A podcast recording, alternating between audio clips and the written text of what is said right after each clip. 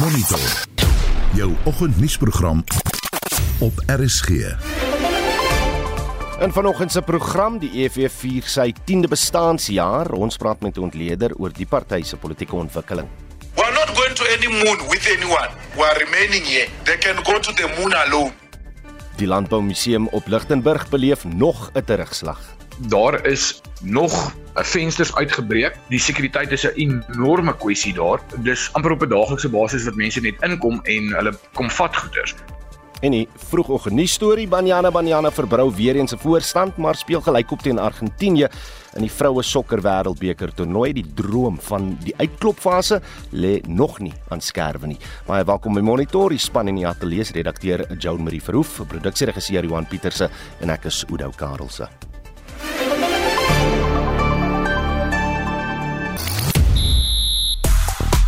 'n Nuwe sportnuus. By die FIFA sokker vroue wêreldbeker het Banyana Banyana en Argentinië vanoggend 2 elke gelyk opgespeel. Die netbal wêreldbeker begin vanoggend in Kaapstad en ons kyk terug na dag 1 se spel in die 5de toets om die reeks om die Astes in Australië en Engeland. Nou die hitsmerk Banyana en Desiree vanoggend die uh, 2 uur al die groot Suid-Afrikaanse hitsmerk weer eens vir ons dames uh, uh, was die verhaal een van blydskap wat in trane omskep is. Nou talle sosiale media verbruikers het tydens en na die wedstryd uitgevaar teen die afrigter van Banyana Desiree alles wie se taktik hulle voel net nie voldoende was nie. Maar dit kom maar seker met hartseer op die sportveld iemand moet blameer word. Trump indictment maak oor see ook groot opspraak nadat aan die lig gekom het dat die voormalige Amerikaanse president Donald Trump nuwe klagtes in die gesig staar oor sy hantering van hoogs vertroulike dokumente. Nou in ons groot luisteraarsvraag vanoggend, UNESCO waarsku teen die onbedagte aanvaarding van nuwe tegnologie, veral wanneer dit in skole gebruik word. Nou die organisasie sê selfoongebruik en langdurige skermtyd het 'n negatiewe impak op ons kinders se emosionele stabiliteit wat kan lei tot uh, afleidings en gedragsprobleme in die klaskamer. Wat dink jy? Moet slimfone by skole verbied word? Hoekom of hoekom nie? Miskien as jy 'n onderwyser wat jou mening hieroor kan deel of dalk glo jy dat tegnologie eerder by die leerproses geïntegreer geïntegreer moet word.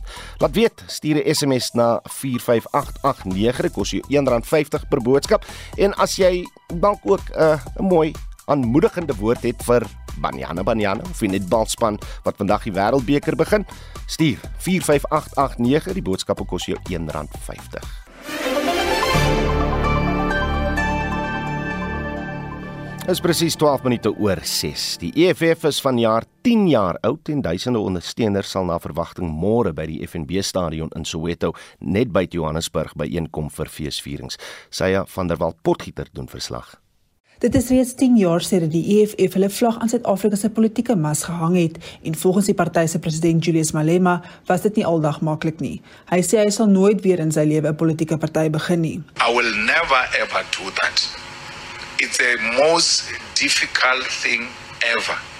Uh, it's so frustrating, it's so difficult when you form it coming from some sort of an organized background where you know everybody knows what is expected of them. And then you now have to now start afresh everything. I don't think i will ever repeat that.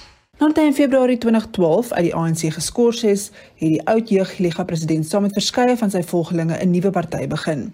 Die EFF het hom dadelik agter 'n aantal kwessies geskaar, insluitende grondonteiening sonder vergoeding, gratis onderrig en nasionalisering van die land se banke. Tydens die 2014 nasionale verkiesing het die EFF die derde plek behaal met 6,35% van die stemme. Die party het baie vinnig steun onder die kiesers gewen en tydens die 2019 verkiesing het hy sy basis na 10,75% verhoog met 44 setels in die parlement. Die EFF was die afgelope paar jaar 'n baie belangrike speler in die koalisie regerings, veral in die Nelson Mandela Bay, Johannesburg en Tshwane metros. Die EFF het dikwels van koalisievennote verander en het vennootskappe met die DA en ANC aangegaan. Vir die aanvang van volgende jaar se nasionale verkiesing het die DA 'n koalisieooreenkoms met verskeie oppositiepartye aangekondig. Die hoofdoel is om die ANC uit die kussing te lig en die EFF uit magsposisies te hou. Malema sê oppositiepartye is bang om mag in die hande van sy party te laat. But there is only one thing they have no control over and that is the EFF and that's what gives them a nightmare that's why keep the EFF out comes from there We cannot allow the people we don't control to have access to power because we'll lose power. We're not going to any moon with anyone. We're remaining here. They can go to the moon alone. We're not part of the moon. Die publiek het gemengde gevoelens waardeur die EFF aangaan. Waar ander partye probeer om aan te vat en oor die grense van rasisme beweeg, is hulle absoluut suiwer rassisties. En is hulle altyd militant besig om elke moontlike voorstel te beveg en nie altyd tot voordeel van die land nie. Daar is sekere goeie punte waar die ANC aanvat oor verkeerde dinge wat goed is, maar wat hierdie gesindheid aanbetref van samewerking sal by baie beslis moet hand uitreik na ander partye en ook na ander bevolkingsgroepe of hulle gaan heel geslote bly. Ek dink die EFF het 'n fantastiese geleentheid gemis die afgelope 10 jaar om gemeenskappe te verenig en ook 'n positiewe invloed op veral die jeug van Suid-Afrika te hê um, in plaas van om antwoorde en oplossings vir probleme in ons land en gemeenskappe te bied, uh, promoveer hulle geweld en verwoesting wat regtig teleurstellend is gegee die goeie platform wat hulle het. Op die vooraand van die party se groot partytjie by FNB Stadion in Soweto het die EFF aangekondig dat sowat 450 van sy senior verteenwoordigers nie die geleentheid mag bywoon nie. Van hulle is lede van die parlement, insluitende Vusikoza en Piwawa Madokwe. Die EFF gaan later besluit of hulle nog verdere stappe gaan neem. Ek is self van der Walt Potgieter in Pretoria. As jy sien nou gehoor het die EFF vier die naweek sy 10de bestaanjaar en langs die pad was daar tande kry oomblikke en politieke ontwikkeling. Die party kan ook daarin slaag om deur koalisievorme uh, vorming met kleiner partye gedigte teenstanders te ontsetel. Vir meer hieroor praat ons nou met die politieke ontleder verbonde aan die Noordwes Universiteit se Sakeskool professor Piet Kroukamp. Piet, goeiemôre. Goeiemôre Oudo. Die EFF se manewales in die parlement word deur sommiges aanskou as politiek on, uh, onvolwassenheid, deur ander en veral ondersteuners as 'n belangrike stem wat genootsaak word deur die ANC wat faal in hulle van verantwoordelikheid teenoor Suid-Afrikaners. Wat is jou mening? Uh Oudo, wie ek die uh, kwessie van die uh EFF wat die parlement ontwrig het uh ek dink nou in retrospek kan mense dit seker as uh, beskou as destruktiewe politiek, maar ek moet vir jou sê uh toe hulle op die toneel verskyn het 10 jaar gelede uh was dit alreeds duidelik dat die ANC die parlement op spesifiek die nasionale vergadering op so 'n manier bestuur dat daar nie werklik oorsig was nie. Dit was nie moontlik vir uh, kleiner partye om 'n beduidende invloed te hê op uh, uh, wetgewing wat geformuleer word nie, op uh, enige vorm van stemming nie. En ek dink op daai stadium het ek gevoel ook dat daai ontwrigtende gedrag uh, is 'n is 'n manifestasie van die feit dat die ANC 'n monopolie in nasionale wetgewers het wat nie deur normale mededinging op 'n of ander manier uh aangespreek kan word nie en dat die enigste manier vir die ANC om 'n ander party ernstig op te neem is om soos vakbonde die opsie van geweld voor te hou of die opsie van ontwrigting voor te hou. Uh, ek dink aan minstens aanvanklik was dit 'n baie effektiewe strategie. Mm, mm. Uh, uh, so dis een van die dinge wat hulle uh, wat hulle dalk reg gekry het. Uh, hulle het ook uit die staanspoor van 0 na meer as 'n miljoen uh, kiesers gegaan. Uh, uh, so langs die pad, watter ander dinge het hulle reg gekry as party? Maar ek dink daar's 'n paar uh, goed wat hulle uh, baie mooi reg gekry het. Dit is een ding is dat uh, die EFF is die enigste party wat by die ANC en baie spesifiek die swart middelklas in Suid-Afrika 'n beduidende steunbasis kon opbou of ten koste dan van die ANC. Hmm. Uh ek dink baie mense maak baie keer die fout dat dink dat uh die EFF is 'n party vir arme mense of vir uh uh informele nedersetting mense of vir werkersklas. Dis glad nie so nie. Ons weet wat die steunbasis van die ANC vandaan kom. Dis hoofsaaklik die swart middelklas. Dis 'n baie belangrike uh uh cohort van van van of, of steunbasis om te hê. Ongeveer so die helfte van die uh, ANC of die EFF se steunbasis is uh uh is uh, uh, middelklas uh, swart Suid-Afrikaners wat in die privaat sektor werk en so die ander helfte kan mense so rofweg opdeel is is, is middelklas swart Suid-Afrikaners wat in die staatsdiens werk. In die private sektor eh, kan 'n mens verstaan waar daai steunbasis hoekom dit baie goed gekonsolideer het want 62% van die uh, raadsale van die Suid-Afrikaanse sakewêreld is is wit mense. Met ander woorde, jy sit met swart middelklas Suid-Afrikaners wat in raadsale sit wat gekonfronteer word met wat hulle beskou as 'n vorm van rasisme, die dominansie van uh, van wit monopolie kapitaal in die raadsale van van van die sake sektor. Daai daai persepsie is baie sterk vaardig. Daai bepaalde steunbasis het altyd na politieke tuiste gesoek want hulle onthou net die oomblik wat jy in die privaat sektor werk word jy uitgesluit van die patronaatskap en die voordele van die bevrydingsbeweging. Daai mense is as dit ware totaal op hulle eie aangewese in 'n vrye mark-ekonomie waar aan die een kant bedreig word deur uh die persepsie van, van wit monopolie kapitaal of die dominansie van wit uh, mans in in raadsale en aan die ander kant om uitgesluit te wees van die bevrydingsbeweging. En natuurlik die wat binne in die staat self is omdat daar's net soveel patronaatskap wat verdeel kan word. Met ander woorde wanneer uh, jy nie toegang kry tot daai voordele nie, mm. word jy soort van vervreem selfs binne die staatsdiens, word jy soort van vervreem van die bevrydingsbeweging en jy ontwikkel dan daai wrevel wat in 'n politieke gedrag manifesteer. En dis dit is hoe die steenbasis lyk. Dis 'n vorm van populisme wat inkoop op die swart middelklas wat reeds werkend is. Met ander woorde dis die die die die die die die, die reeds ekonomies bevredigde uh, deel van die samelewing. Die die EFF besluit ook nou wie die septor swaai in in baie van die metro's waar die DA voorheen regeer het. Daar is politieke ontleeders wat reeds gewaarsku het hulle gaan beslis kop in een mis wees met die ANC volgende jaar in die verkiesing. Maak dit vir hulle sin om so te maak saam met die ANC wat so verswak is? Ehm um, die ek dink die, die die die ding dat die EFF volgende jaar hierdie uh geweldige faktor gaan wees in koalisiepolitiek is behalwe um, uh, dis 'n skepping 'n uh, uh, uh, esoteriese skepping wat nie noodwendig gronde het. Op hierdie stadium is daar geen aanduiding dat die EFF dat die ANC onder 50% gaan daal in nasionale verkiesing volgende jaar. Ja, daar is eenvoudig net nie bewyse daarvoor nie. En dat wat ons gedoen het ons het hierdie boogeyman geskep deur te sê okay man wanneer die ANC by 40% kom wat totaal onwaarskynlik is dan gaan hierdie 10% vir die EFF baie volledig sit om al die 50% te gee en dit gee in die in die, in die EFF die vermoë om die jong president aan te wys en beduidende mag binne die ANC op 'n of ander manier te verkry. Dit is so 'n vergesogte scenario dat daar daar's nie bewyse dat dit ooit gaan manifesteer nie. En ons het daai scenario begin gebruik om politieke kapitaal te maak, veral die die, die DA in 'n poging om bangmaak stories te versprei oor die moontlike slegste moontlike uitkomste vir volgende jaar se verkiesing uh ek daar's baie ander scenario's wat meer werklik is. Ek ek dink ons bors is tyd daarmee. Piet net 'n laaste vraag. Wat is die EFF sonder Julius Malema?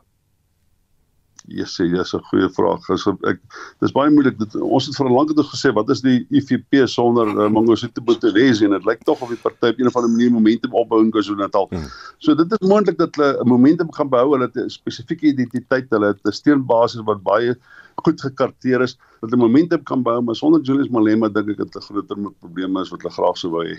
En dit was die politieke ontleder aan die Noordwes Universiteit se Sakeskool, professor Piet Krankamp. Dankie vir jou tyd hier op eh, Monitor. Met die Afrika-Rusland beraad in Sint Petersburg, Rusland wat vandag eindig, raak dit al moeiliker om Suid-Afrika se neutrale standpunt oor die oorlog in Oekraïne te begryp. Die minister van internasionale betrekkinge, Naledi Pandor, sê in 'n onderhoud met Russiese televisie dat die lande se vriendskap nie beëindig kan word net omdat Rusland skielik as die vyand beskou word nie. President Cyril Ramaphosa gaan ook langs die kantlyn met president Vladimir Putin in gesprek tree. Ons praat nou hieroor met professor Joansi van Wyk van die NISA se departement politieke wetenskap. Joansi, welkom terug. Baie dankie. Goeiemôre Oude. Wat maak jy van Pandor se woorde eerstens? Die minister praat maar basies wat die boodskap was die, van die afgelope veral die afgelope jaar um, sedert die inval in Oekraïne. Dat ons um, sterk bande het dat ons nie onsself gaan laat beïnvloed uit deur ander um, state of ander mondhede nie en dat ons hierdie verhouding met Rusland histories uh, gebou het en dat ons baie gehard gaan werk om soos wat ons regering dit al herhaaldelik gesê het om 'n wêreldorde te skep wat verteenwoordigend is of dan reflekteer die wêreld waarin ons onsself bevind. So ek dink die die bande bly baie solied. Ehm um, en ons het ook gesien dan nou die die feit dat Suid-Afrika een van 17 staatshoofde daar het, hoewel 32 ander state ook dan nou teenwoordig is, maar nie met hulle staatshoofde nie, wil dit tog voorkom Suid-Afrika het, het 'n baie belangrike rol hier te speel by die ehm um, uh, beraad omdat ons dan nou onder andere die die die vredesmissie lei en ek is seker dat wanneer die presidente met mekaar ontmoet dat daar definitief na die vredesmissie weer verwys sal word en ook natuurlik weer wanneer die BRICS-beraad in Augustus plaasvind. Reg, eh, Putin sê hy gaan gratis graan aan ses arm Afrika lande beskikbaar maak. Is Suid-Afrika arm genoeg om deel te wees van hierdie ooreenkoms en uh, is dit 'n manier om die Swartsee ooreenkoms wat skipbreek gelei het te omseil? Ja, ehm um, daar was nog 'n tamelike reaksie vanuit Afrika oor die ehm um, opheffing van die ooreenkoms. Ehm um, selfs Kenia het gesê dit is 'n steek in Afrika se rug en dit word ook beskou dat baie Afrika lande is teleurgestel daarvoor. Nou om volgens Putin die verslag wat hy of dat hy die um, vrystelling wat hy maandag uitgereik het, het hy gesê dat die, die Rusland reeds 10 11 miljoen rand ton graan hierdie jaar in Afrika gelewer het. Nou mense kan nie hierdie syfers noodwendig verifieer nie. So die ses state wat hy nou aan die graan ehm um, toegeken het, is natuurlik baie nou bondgenote van ehm um, Rusland. So hier sien ons byvoorbeeld Zimbabwe is is 'n staat wat ons weet die Russe baie betrokke is.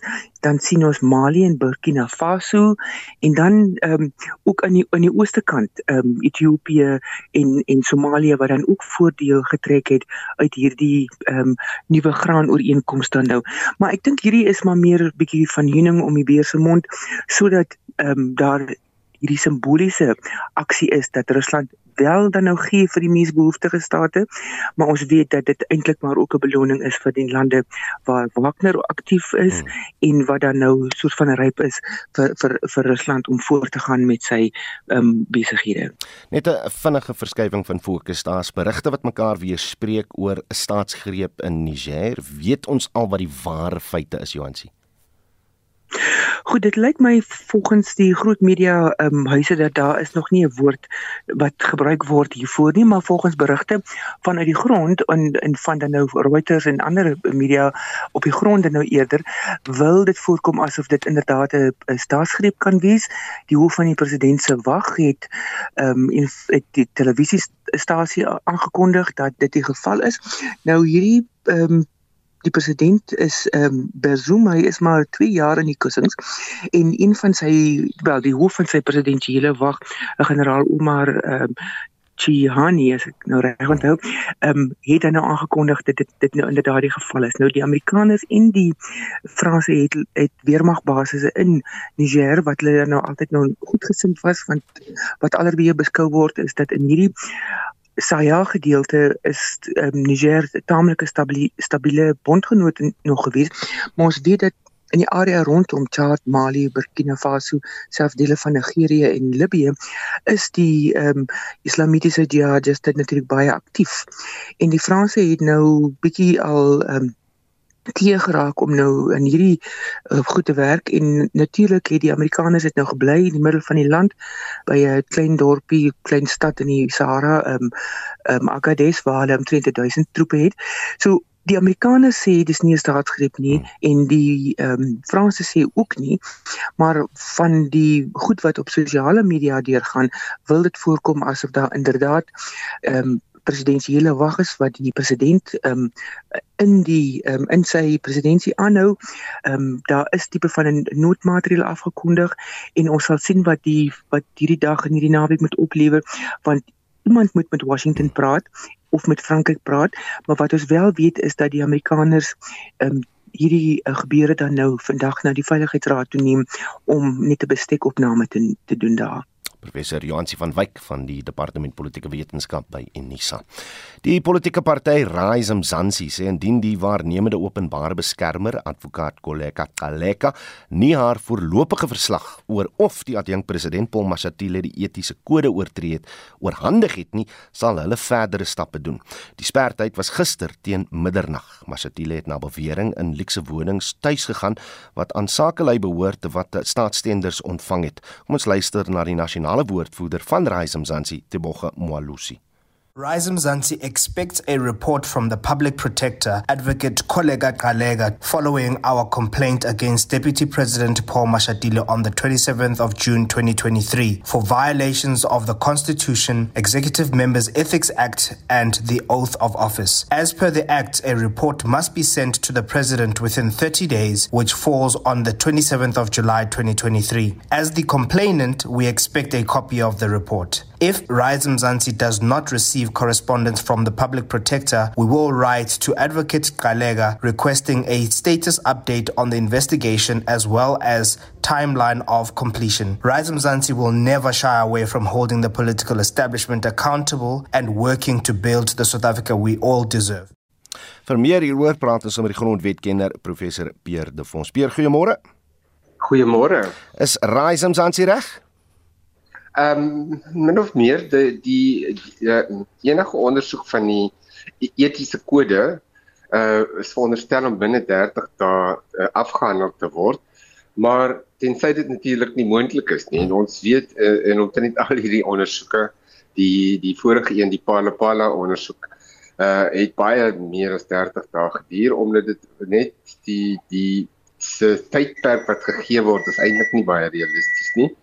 So daar is uitsonderings en daar eh, dit is moontlik uh vir die openbare beskermer om te sê ehm um, dat sê nou nie die binne die 30 dae dit kon afhandel nie. Hmm. Ehm um, uh, en dan gaan dit nou maar langer vat soos wat dit omtrent met al die ander ondersoeke oor oortredings van die etiese kodes baie langer as 1 maand vat om af te handel. Reg, terwyl jy jou melkies kry daar in die mikrogolf oonvra ek solank die tweede vraag sou sy in so 'n voorlopige verslag al reeds kan bepaal of Mashatile oneties opgetree het of nie. Ehm um, sy sy sou kon bepaal, ek dink die een van die groot vrae sou wees ehm um, of uh, die klagte wel ondersoek sou kon word om mee te begin want dit is nie duidelik of sy sy sou nie dit kon ondersoek as dit gaan oor sake uh, iets wat gebeur het voor uh meneer Mashatile die uh, adjunkt president geword het nie want hierdie kode is net van toepassing op mense wat in die uitvoerende gesag is. So het toe hy 'n uh, ander ehm um, ander poste binne die ANC bekleed en hy toe sê net maar by iemand uh, gunstig gekry het, sou dit nie binne die reëls van die etiese kode val nie, want want uh, hy sou hy was, was nie op daardie stadium daardeur gebind nie. So dit hang af van die tydsberekening op 'n manier oor wat wanneer wat gebeur het of of sy wel eers uh die uh, verslag sou kon skryf oor die saak. En die verslag sal dan natuurlik aan die president oorhandig moet word. Dink jy daar's die moontlikheid dat dit hier 'n stille dood kan sterf? Uh wel dit is dit sal openbaar gemaak word so as daar nou bevindings teen hom gemaak word.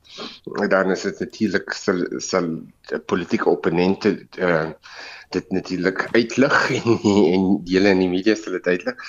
Ehm um, maar die president in terme van die wetgewing is die president die persoon wat eh uh, die hoof van die uitvoerende gesag is en die president sou kon besluit eh uh, wat kon gebeur, maar natuurlik in die praktyk is dit ook die ANC en op hierdie stadium sou ek verbaas wees as selfs al sou daar 'n ja. uh, verslag wat skerp kritiek uitspreek teenoor meneer Mashatile ek sou verbaas wees as die president of die ANC as, as 'n party uh lus sou wees op die stadion teen hmm. meneer Mashatile op te tree. Grondwetkenner professor Pierre De Vos. Jy luister na Monitor. Elke weekoggend tussen 6 en 7. 6:32 en in die nuus. Die netbal wêreldbeker toernooi begin vandag in Kaapstad. 'n Weerkundige sê Suid-Afrika beleef die winter ongewone weerpatrone en die minister van gesondheid open vandag 'n ultra moderne hospitaal in die Oos-Kaap. Bly ingeskakel.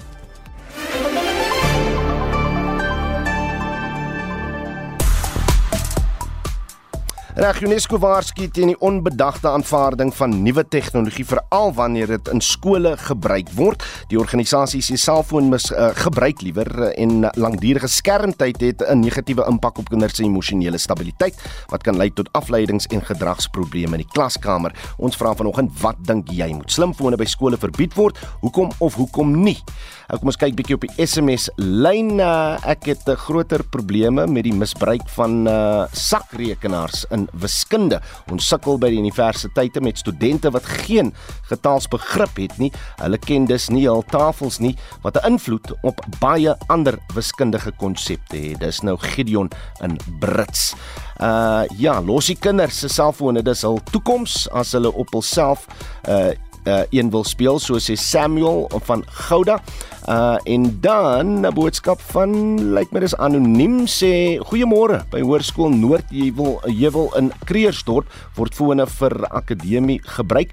Uh Wolskool en uh, Teams word gebruik of Wolkskool liewer en Teams word gebruik. Ons uh, lese vir akademie akademie ons gaan uh hm bosbout op stoel sonder selfoon so sê anoniem. Laat weet wat jy dink, stuur 'n SMS na 4588919 R50 per boodskap. Uh ja, slimfone, moet hy by skole verbied word of nie?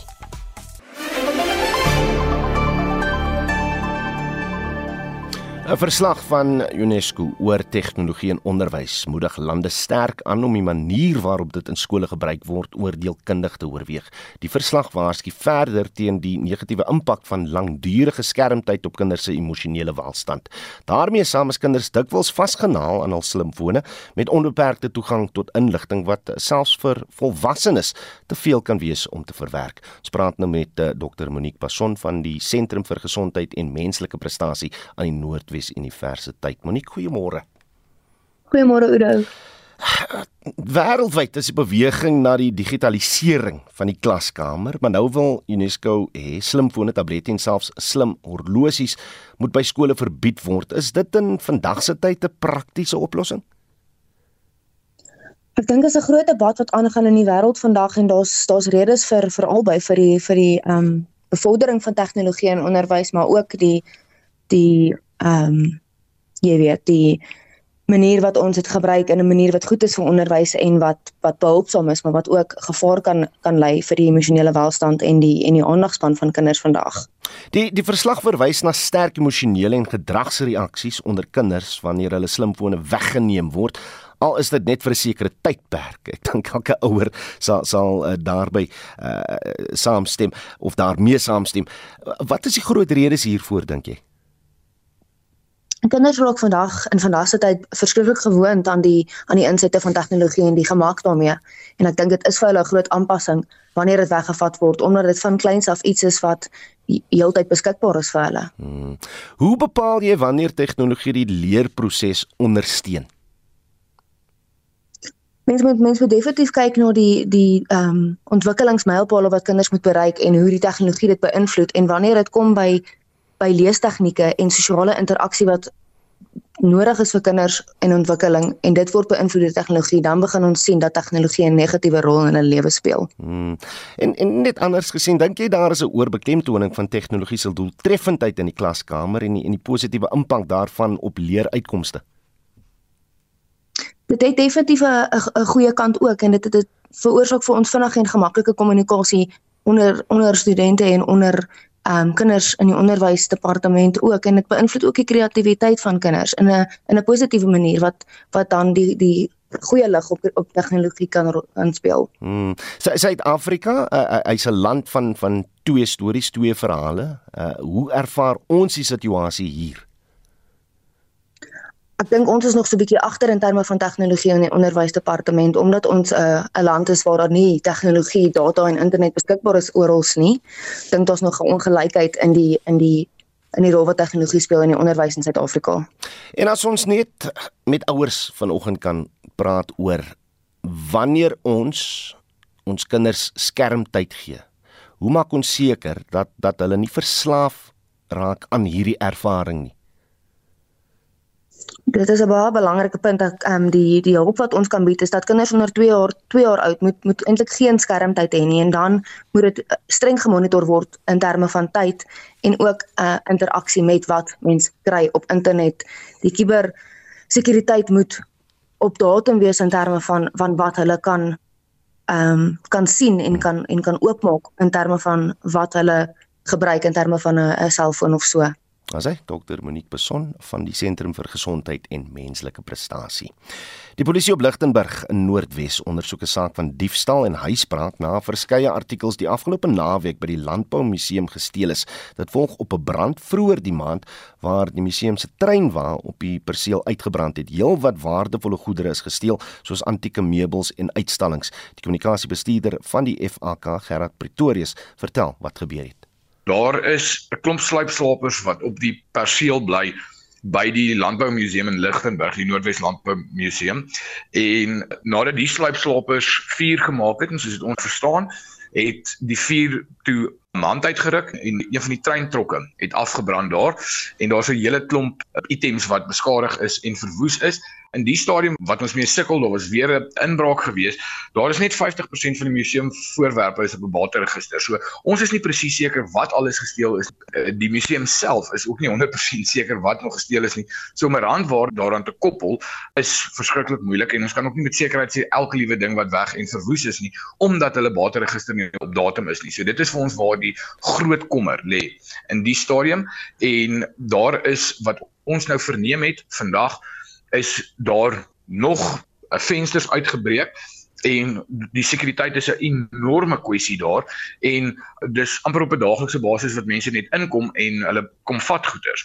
So dit is vir ons 'n verskriklike kommerwekkende ding dat die munisipaliteit self nie hulle goederes op standaard kry en hulle sekuriteit op standaard kry nie want dis ons erfenis is besig om verwoes te word en gesteel te word. Daar is 'n kerk ook op die perseel en die kerk word ook by ingebreek en ons het klomp goederes wat ook gevandaliseer en gebreek is in die kerk self. So dit is 'n enorme enorme kommerwekkende kwessie vir ons hierdie. Die Ditsobotla munisipaliteit is verantwoordelik om die museum in stand te hou en te beveilig. Hierdie museum self is nie op 'n provinsiale of 'n nasionale vlak waar die verantwoordelikheid lê nie, dit lê op 'n plaaslike en 'n munisipale vlak en dit is Ditsobotla munisipaliteit se verantwoordelikheid om al hierdie goederes na te gaan, te hersien en al hulle stelsels in plek te kry wat nie gebeur in die stadium nie. Wat 'n groot groot uitdaging en 'n kommer is vir ons by die FHK. Het julle al geskakel met die munisipaliteit? Ja, daar was 'n vergadering gewees met die plaaslike rolspelers, raadslede en dis meer wat in Junie Junie plaasgevind het en ons wag nou nog vir verdere terugvoer van die munisipaliteit af in die stadium dit is waar die gesprekke nou gestop het want ons wag nog vir terugvoer van die munisipaliteit af. Gerard Pretorius is die kommunikasiebestuurder by die FAK wat daar met ons Mitsie van der Merwe gepraat het. Nou die kultuurorganiseerder van die FAK, Barry Miller, sê die Tsobotla munisipaliteit is herhaaldelik gewaarsku dat die museum besteel gaan word. Hy het gisteraand voorspel dat daar sekerlik weer by die Landboumuseum ingebreek sou word indien sekuriteit nie teen gisteraand verskerp is nie.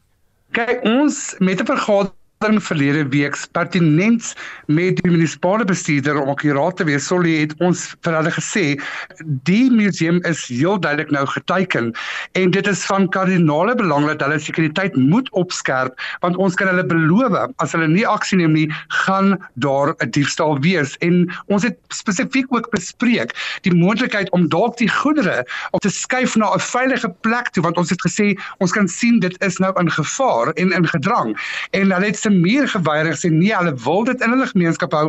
Hulle wil nie ons moet dit skuif nie. Hulle sal verantwoordelikheid vat. Hulle wil hê dit moet daar bly en veilig daar bly vir die toekoms. En dis hoekom ons hulle pertinent gewaarsku het. Hulle gaan kom inbreek en so waar is wragtig dit wat ons gesê het gaan gebeur, het toe gebeur. Sou hulle vir ons geluister het en ons kon of natuurlik sekuriteit daarin kry of self dit skuif soos ons wou, sou hierdie verlies van 'n stukkie van ons geskiedenis nooit plaasgevind het nie. En deur die feit dat die lys wat hulle het van die items onvolledig is, ons sal eintlik dalk nou nooit weet wat 'n stukkie van ons geskiedenis heeltemal weg is nie.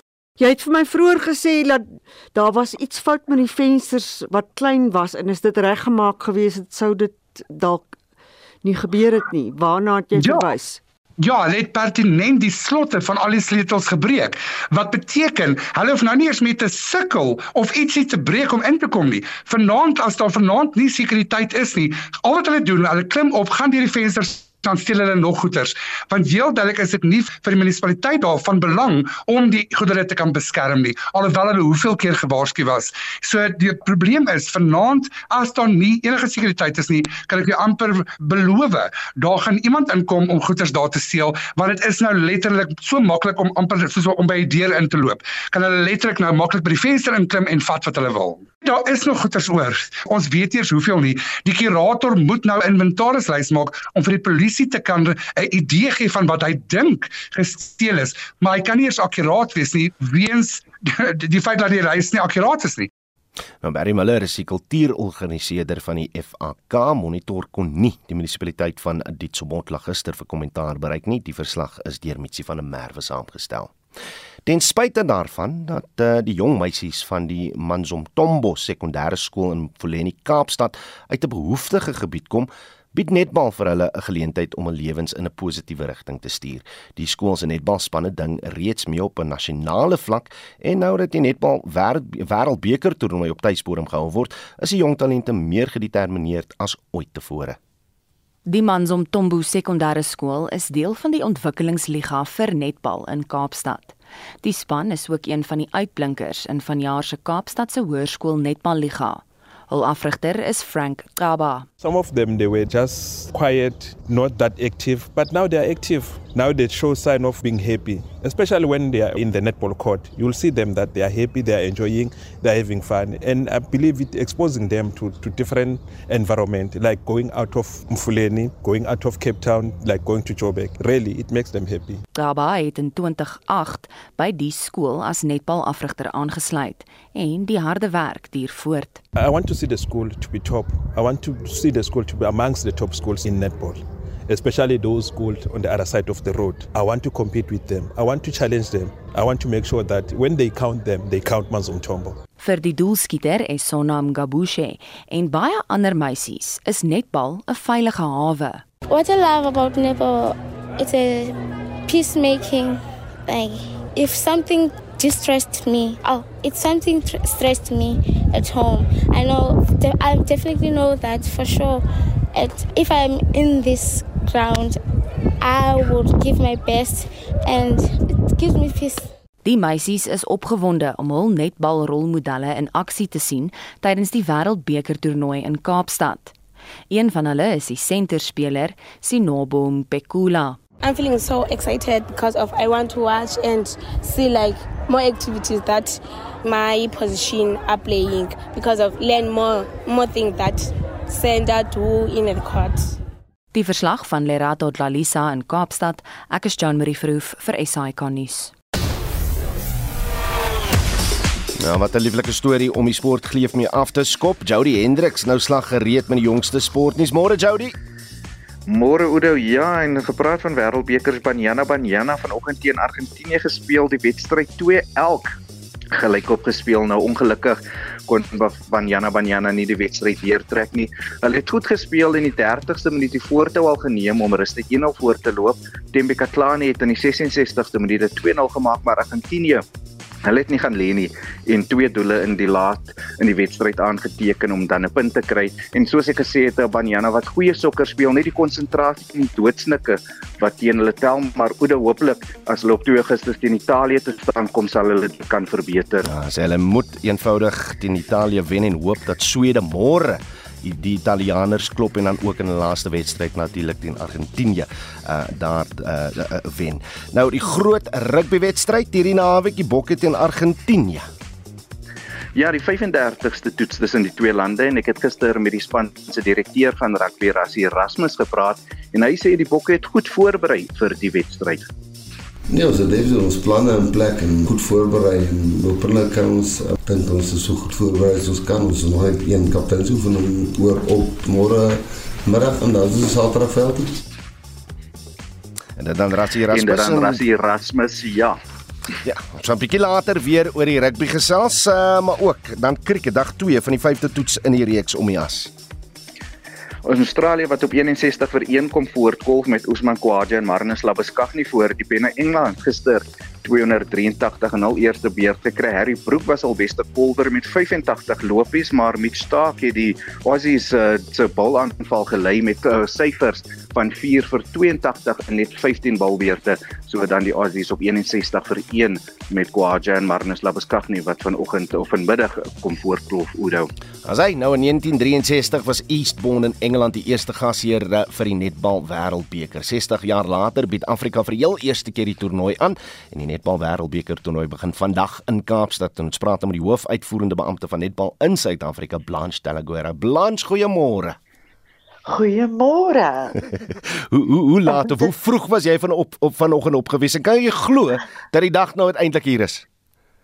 Weet jy, ek ek kan amper nie glo nie, maar die wonderlike deel van die begin van hierdie wêreldbeker is ons het ons naam as Suid-Afrikaners en Afrikaners gestand gedoen met die eerste funksie wat die candlelight funksie is, 'n baie ehm um, gewyde ehm um, ritueel. En daarna 'n tipies Suid-Afrika het almal begin dans toe die die koor opkom en natuurlik soos ons is. En gisteraand die verwelkomingsete ehm um, wonderlik met ons uh ehm um, Suid-Afrikaanse lagmag orkes wat 'n belewenis. So ja ons het 'n bietjie ontspan en maar ja vanoggend 4 uur toe sê jy mag nog slaap maar sy kan nie Blanche Jody so natuurlik ons almal sien uit na die wedstryd wat vandag plaasvind ook die Protea se kragmeting teen Wallis om 6uur maar ook die openingsseremonie kan jy vir ons enige besonderhede oor die openingsseremonie gee Ehm um, ja, dit gaan 'n tipiese ehm um, Afrika geleentheid wees. Al ons verskillende diversiteite gaan deelneem. Ons stel elke liewe ehm um, persoon in ons land voor en ek dink dit wil ons wil net hê dat die res van die wêreld moet moet sien watter eenheid ons is deur hierdie vertoning wat vandag gaan plaasvind. Ons het net 'n uur, so alles moet binne 1 uur geskied. Lieflik. Hmm. Nou ek het gister Blanche begin sien hoe 'n paar mense op sosiale media begin kla oor die kaartjiepryse, R500 vir 'n kaartjie, blykbaar die die, die goedkoopste. In hierdie ekonomiese klimaat is dit nie vir almal beskoor nie, maar is is dit 'n situasie wat jy eintlik kon verhoed of nie? Ehm um, nie eintlik nie. Ons ons wil graag hê dat soveel as moontlik mense moet dit kom kyk en daar is reëlings getref vir elke een in hierdie land. Maar R500 klink baie, maar daar is twee wedstryde wat jy gaan kyk vir vir daai R500. Met ander woorde, vier lande. So dit is in vergelyking met die res van die wêreld se se kaartjiepryse by wêreldtoernooie is dit absoluut nie duur nie. En daar is 'n fan park, um, verskoon die Engels, dis dis 'n lekker woord, net buite die buite die venue. So met groot skerms. So as jy nie binne kan kyk nie, gaan jy definitief geen netbal mis as jy daarin gaan kyk. Uh, Jody, ek weet jy het nog 'n paar vrae of twee, maar uh, ek ek wil net vinnig net opvolg daar Blanche. Das das ook berigte geskryf oor die feit dat die die vroue cricket wêreldbeker jy kon na daardie stadions toe gaan ook in die Kaap vir R60 as jy kyk na die die vierhoekige toernooi wat hulle aangebied het net 'n paar maande terug was die kaartjies ook veel ja. goedkoper daar gewees. Ka, ka, is dit regverdig om die twee met mekaar te ver, te vergelyk? Nee, ek dink glad nie dis regverdig nie. Hulle het 'n stadion van 40-50000 sitplekke. Ons het net 5000 ehm um, sitplekke beskikbaar in die een venue, CTICC 1 en dan 1200 in CTICC 2. Die kostes van hierdie fasiliteit wat ons met ons omskep in 'n netbal ja. ehm um, baan en en in 'n 'n wêreldklas standaard netbal fasiliteit is enorm. Dis miljoene miljoene rande en die vergelyking van die kostes van hierdie fasiliteit met die kostes van van die cricket en die rugby fasiliteit, daar's groot verskil. Ons betaal miljoene rande meer. So ons uitsetkostes van van die begin af is baie baie meer as wat hierdie ander sporte se uitsetkostes is. Blanche het nou verwys na die ekonomiese impak, maar ook 'n paar weke gelede hele groot borg verloor. Wat 'n finansiële impak het dit op die toernooi gehad? Ehm um, hierdie ja, dit mag dit mag geklink het asof ons die borg verloor of die borg onttrek het. Daar was net nog nooit 'n uh, 'n uh, of of 'n aanvaarde um ooreenkoms tussen um Netball Suid-Afrika die die um die um board en die LOC met Wêreld Netball en um Vitality nie. Ons het nog nie tot 'n vergelyking gekom om om te aanvaar vir vir die bedrag wat aangebied is om dan die hoofborg te wees nie met naamregte nie. So dit was net 'n 'n um, kwessie van dit is nooit daar was nooit 'n kontrak geteken nie en hmm. ons het gevoel ons kan beter doen in hierdie land. Ons het gister die kongres afgesluit en ehm um, die die CEO van Wêreld Netball het aan die res van die wêreld bekend gemaak dat hierdie wêreldbeker is die wêreldbeker wat die meeste beleggers gelok het. Ons is baie trots daarop. Reg Blanche, ek weet nie of jy weet nie, uh 19 kragmetings tussen die Proteas en Wallis in die in die verlede. Hoeveel keer het ons teen hulle verloor?